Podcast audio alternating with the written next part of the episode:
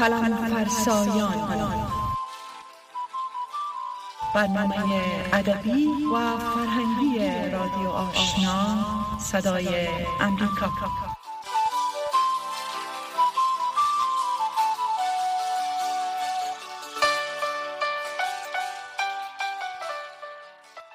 به نام خداوند لوح و قلم.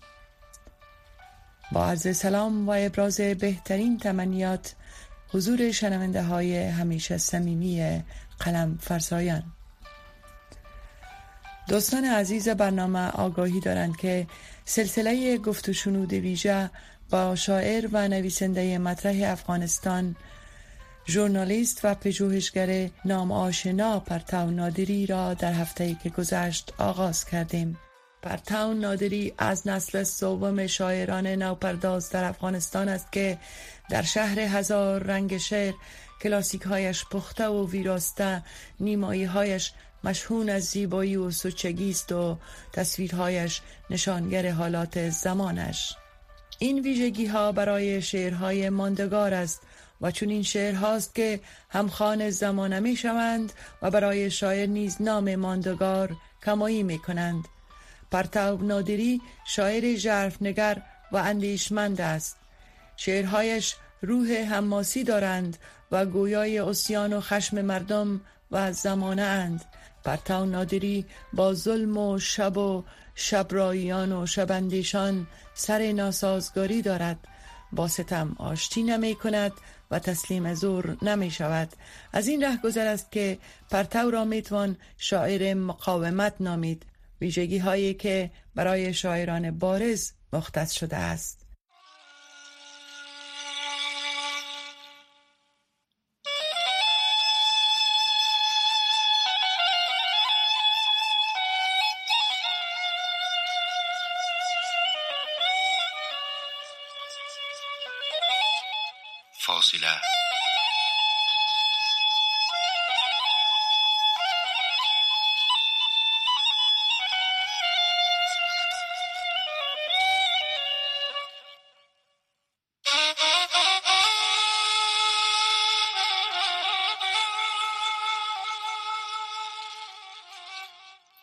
مغرور چه سربلند.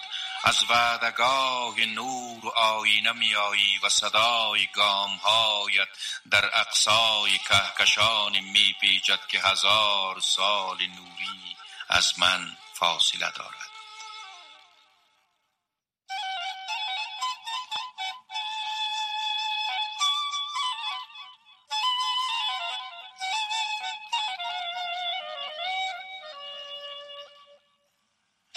ابراهیمی است در تو. خشمگین برگشته از جنگل آتش و با تیشه از زمرد ایمان بدخانه تاریک غرور مرا روزنی میگشاید به سوی یک نیاز روشن.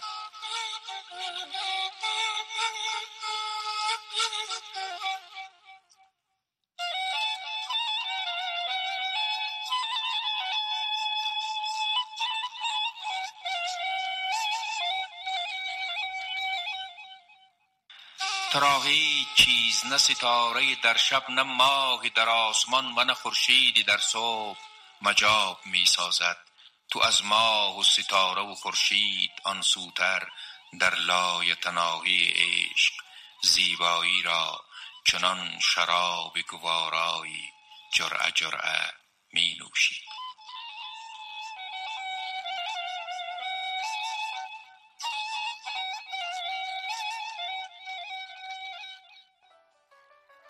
از کدام نوع سبک شعری بیشتر لذت می‌برین استاد؟ شخصیت ادبی نویسنده و شاعر محبوب شما کیست؟ چرا و به چه دلیل؟ اساسا سبک در شعر برمیگرده به چگونگی ابدایی هر شاعر. یعنی هر شاعر می‌تواند که سبک خود را ایجاد کند یا به یک شیوه خاصی سرایش دست پیدا بکنه. حالا یک بسی بسیار دراز دامن است مثلا یک شاعر با کاربرد بعضی کلمات بیشتر علاقه داره یک شاعر مثلا با تشبیهاتش میشه یک همگون می باشه این مسئله مسئله خصوصی و فردی است. شما از شعر لذت می‌برین یا شعری را خوش دارین که در اون شعر خود می‌بینین؟ به این معنا که عواطف خود را در او پیدا می‌کنین. اصلا شاعر از تجربه فردی خود شعر می‌گوید. یعنی شاعر باید برود اون از اون پنجره ذهن خود که به بیرون نگاه می‌کند تجربه هایی را که در زندگی دارد او را بیان می‌کند. ولی چیگونگی این بیان است که باز به شیر تأثیر گذاری بیشتر میده. شاعر در حالت آفرینش شعر درگیر تخیل است یعنی تخیلی از او تجربه هایش و برداشت و دریافت و عواطف و احساساتش از زمان ها و مکان های مختلف می‌گیره و او را ترکیب می‌کنه. این قدرت تخیل در شاعر است. آفرینندگی شاعر در همین جا است. بعد باید این تخیل در اون لحظه ای که تمام معنویت شاعر به حرکت می و چنین چیزی به دست می این به وسیله کلمه ها انتقال می‌کنه و کسی دیگری می‌خوانه و در حقیقت درگیر همون حالتی میشه که شاعر درگیری از او شده. یعنی شاعری که توانسته باشد تجربه فردی خود را به گونه یک تجربه عام اجتماعی بیان کند. یعنی شاعری که توانسته باشه منی فردی خود را به یک منی اجتماعی تبدیل کنه اون زمان از شعرش طیفی وسیع خوانندگان خواهد داشت. یعنی هر کسی در اون شعر خود را می‌بیند. یعنی در حقیقت همون سخنی معروف است که این آینه تصویری از خود ندارد بلکه هر کسی تصویری خود را در آن تواند دیدن. من شعر خوب از هر کس که باشد خوشم میاد و این گونه هم نیست که فقط یک شاعر باشه که ما همیشه از او خوش ما بیاد بلکه من این روزها شعری از بسیار جوان ها از شاعرهای بسیار جوان ها می‌خورم خیلی هم خیلی هم شعرهای بلند و زیبایی است و مشکل هست که آدم ادعا بکنه که همه شعر یک شاعر خوش ما میاد. ولی یک شاعر مرتبتش یعنی جایگاهش وابسته میشه به کلیت آفرینشی او. یعنی او در کلیت یک شاعر خوب است. ولی این شاعر خوب شعرهای ضعیف شعرهای میانه و این چیزها هم داره. ولی در کلیت یک شاعر خوب است. او وقتی که ما از یک شاعر تعریف می‌کنیم هدف ما او است. اگر ما بیاییم جستجو بکنیم در مجموعه شعرهای یک شاعر اون ضعیفترین شعرهایش یا اون مواردی را که اشتباهاتی داره او را بیرون بکشیم و بعد برای شاعر بکشیم این کار نادرستی است. و یا اینکه فقط به او جنبه های بسیار مثبت نگاه کنیم باید یک تحلیل و تجزیه شود. من از شعر لذت می‌برم. شعر باشد. حالا برای من مهم نیست که این یک غزل است یک مصنوی است یک شعر نیمایی است یک شعر سپید است.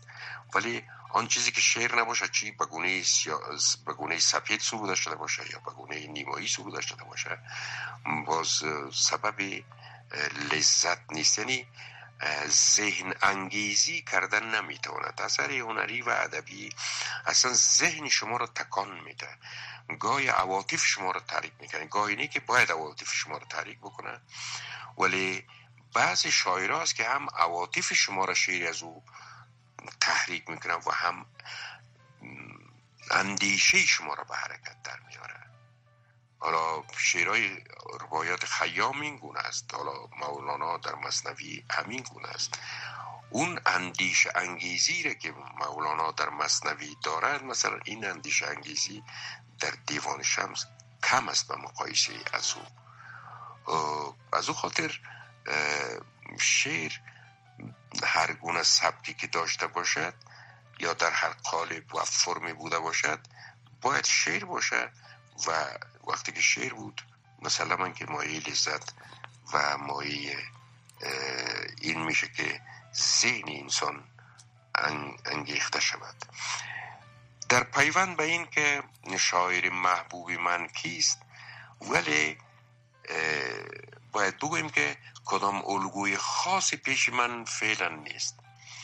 اما زمانی که یک جوان یک کسی وارد عرصه شعر میشه مثلا ما با یک زبانی سر و چار هستیم که یک هزار و چند صد سال میشه که با این زبان شعر سروده شده. شعر سروده شده.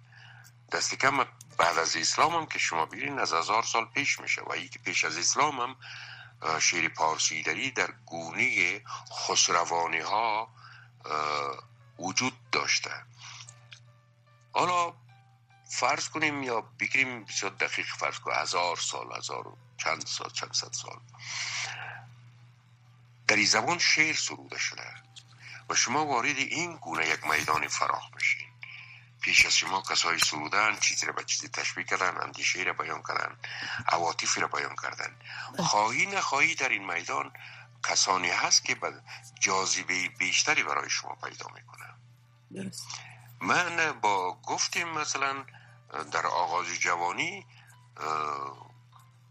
در داخلی کشور مثلا چهار پار سرایی های محمودی فارانی برای من بسیار انگیزنده و خیال انگیز بود با اون فضای رومانتیکی که داشت.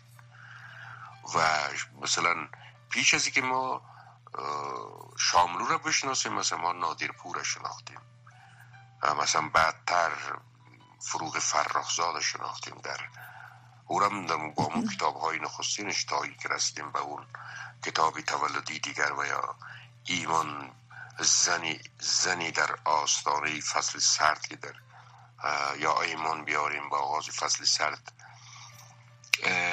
به هر حال حالا من کدام الگوی خاصی نیست که چی کنه آدم بعد از یک مرحله باز خودش میشه. باید بایدم خودش شود زبانمون گونه که پیشتر گفتم باید زبان خود را نگاه خود را نسبت به هستی پیدا کنه. فروغ فرغزاد درباره شاملو یک سخن بسیار بسیار جالب گفته که گفته نیما یک پنجره را بر روی ما گشود. ولی من از این پنجره خودم به هستی و به زندگی نگاه کردم. مهم است که انسان نگاه خود را به هستی باید خوب بیان کنه. حالا فرض کنیم شما یک شاعر در یک منطقه دشتستان زندگی می‌کنه و بعد در شعرها خوانده که بهار که میای یعنی این گونه است این گونه است. ولی او برو اگر بهار را از دید شاعری که قبلا سروده به سرایت دروغ میگه. او در حقیقت همون مسئولیتی را که نسبت به محیطی خود داره او را ادا نکرده. شعر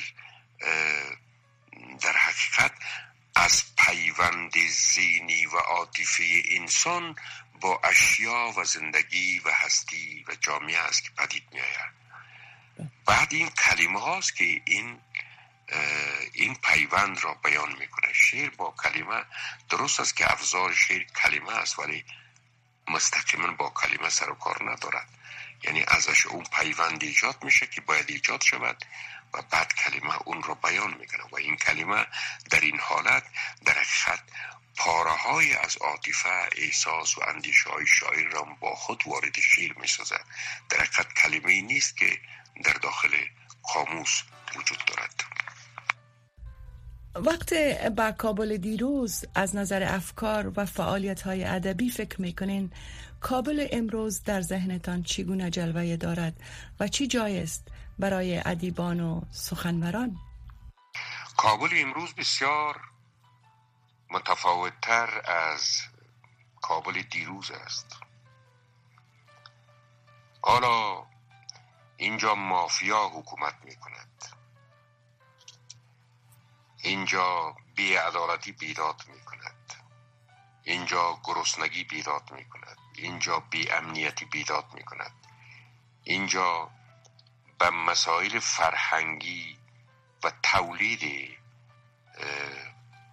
پدیده های فرهنگی و تولید علم توجه نمی شود یعنی زمینیش هم چندان مساعد نیست. دیروز اگر من ببینم دیروز خوب بالا می‌تونه بسیار دامنش گسترده شود. ما همیشه در یک کشوری زندگی کردیم که با بدبختی ها روبرو بوده. این کشور همیشه سرنوشت خونین داشته. اگر در یک مقطع و یک دوره های کوتاه نفس راحت کشیده باشه ولی دیگر همیشه زیر ساتور بیداد و استبداد بوده. ما امروز کابل در کابل ساختمان های بسیار زیبایی ساخته شده. شهر بسیار تغییر کرده.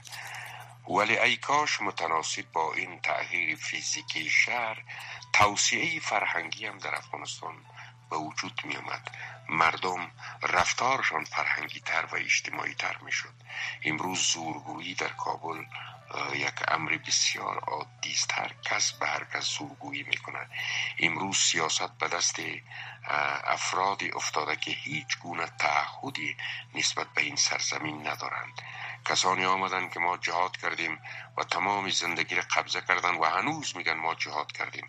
من نمیفهم که آیا اینها همون مزد جهاد خود را از خداوند می‌خواهند یا می‌خواهند که به این حساب همیشه چنان زالوی خون مردم را بیمکند به هر حال در کابل زندگی به گونه وجود دارد. مردم زندگی می‌کنند و ناچار هم هستند که زندگی بکنند و در این شب و روز دقیقا من خودم احساس می‌کنم که در داخل یک تونل سیاه یا تونل تاریک حرکت می‌کنم و منتظر ازم که در دور یک جرقه روشنایی یا یک جلوه از روشنایی را ببینم و که کمتر به چشم می‌خوره و همه نگران یک آینده تاریک هستند با کمال تاسف طرز نوشتن و شیوه فارسی نویسیتان قابل تعمل و تحسین برانگیز و دلانگیز است.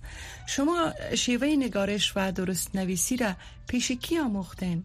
نصر محکم کدام نویسنده و روان نویسی و زیبایی نصر چی کسی کمک بزرگ برتان در راستای نویسندگی بوده؟ من کدام الگویی نداشتیم که یعنی کسی بوده که نصر نویسیش بر من تاثیر داشته؟ منتها من خود متوجه شدم که شاید در هر زبان همین گونه باشه. هر قدر که زبان فارسی را با جملات کوتاه و ساده بینویسید زیباتر می شود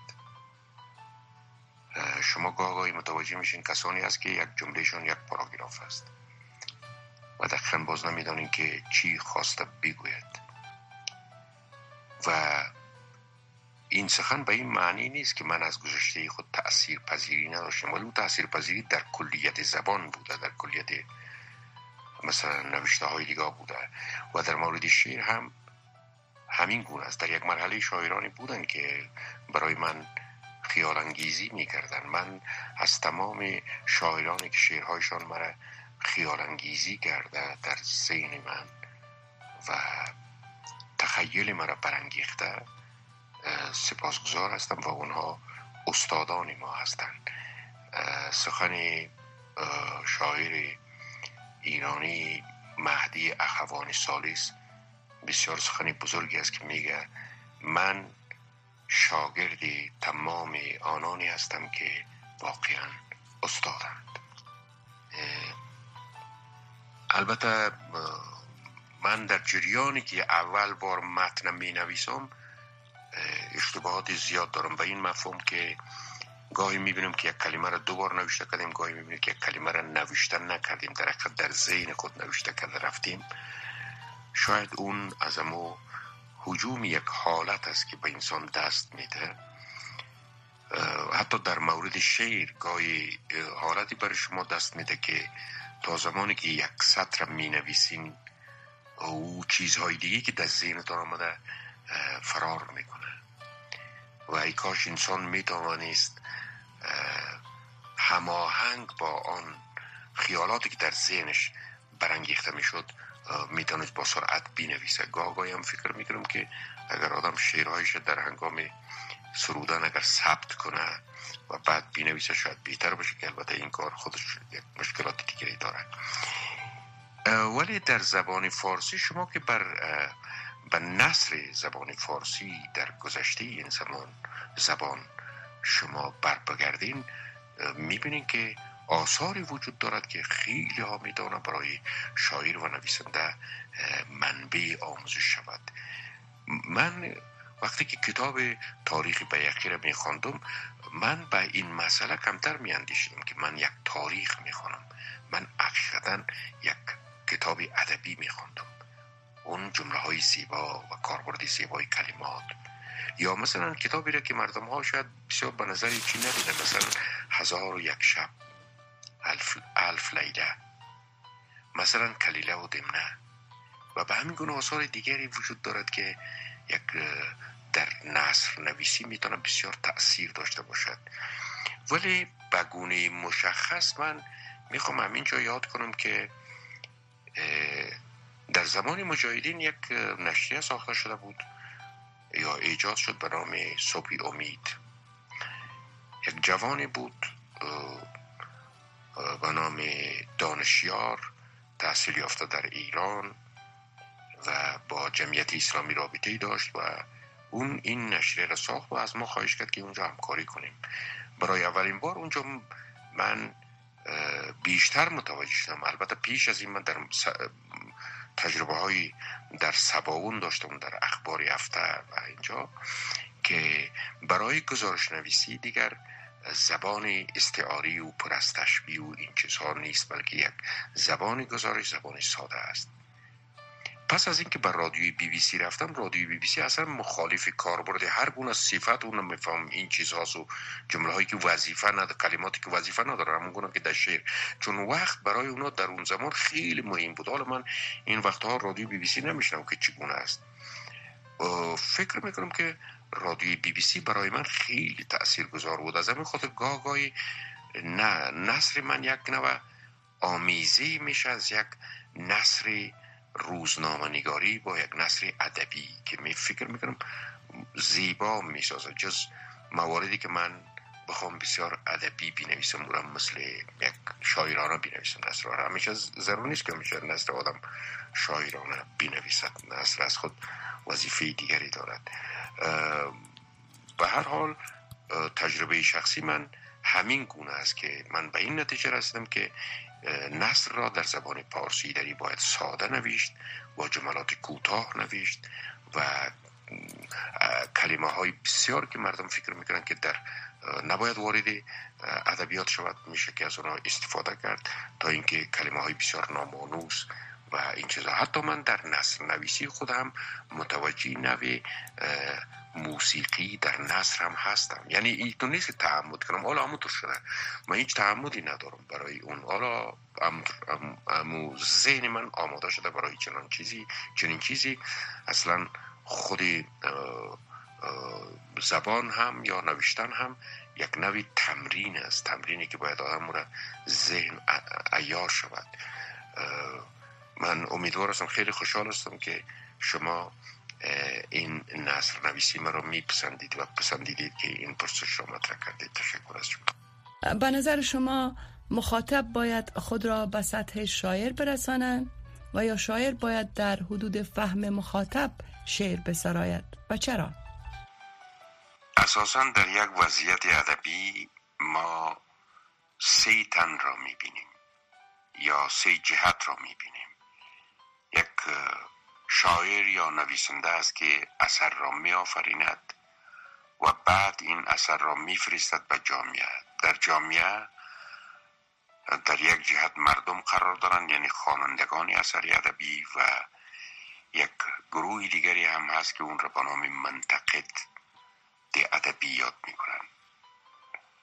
حالا مردم چقدر از اثر تأثیر میپذیرند؟ مربوط میشه به اندازه فهمی آنان از همان اثر ادبی. گاهی هم میگن که مفهوم یک اثر ادبی یک متن ادبی به اندازه خوانندگان او متنوع است.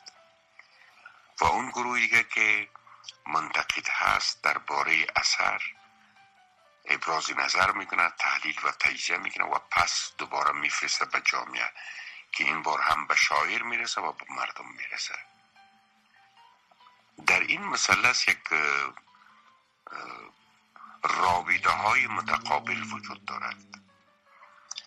اساسا فکر می‌کنم که هیچ شاعری در لحظه آفرین شعر به کتله مجموعی مردم نمی اندیشد که حالا این شعر مرا همگان باید بپذیرند.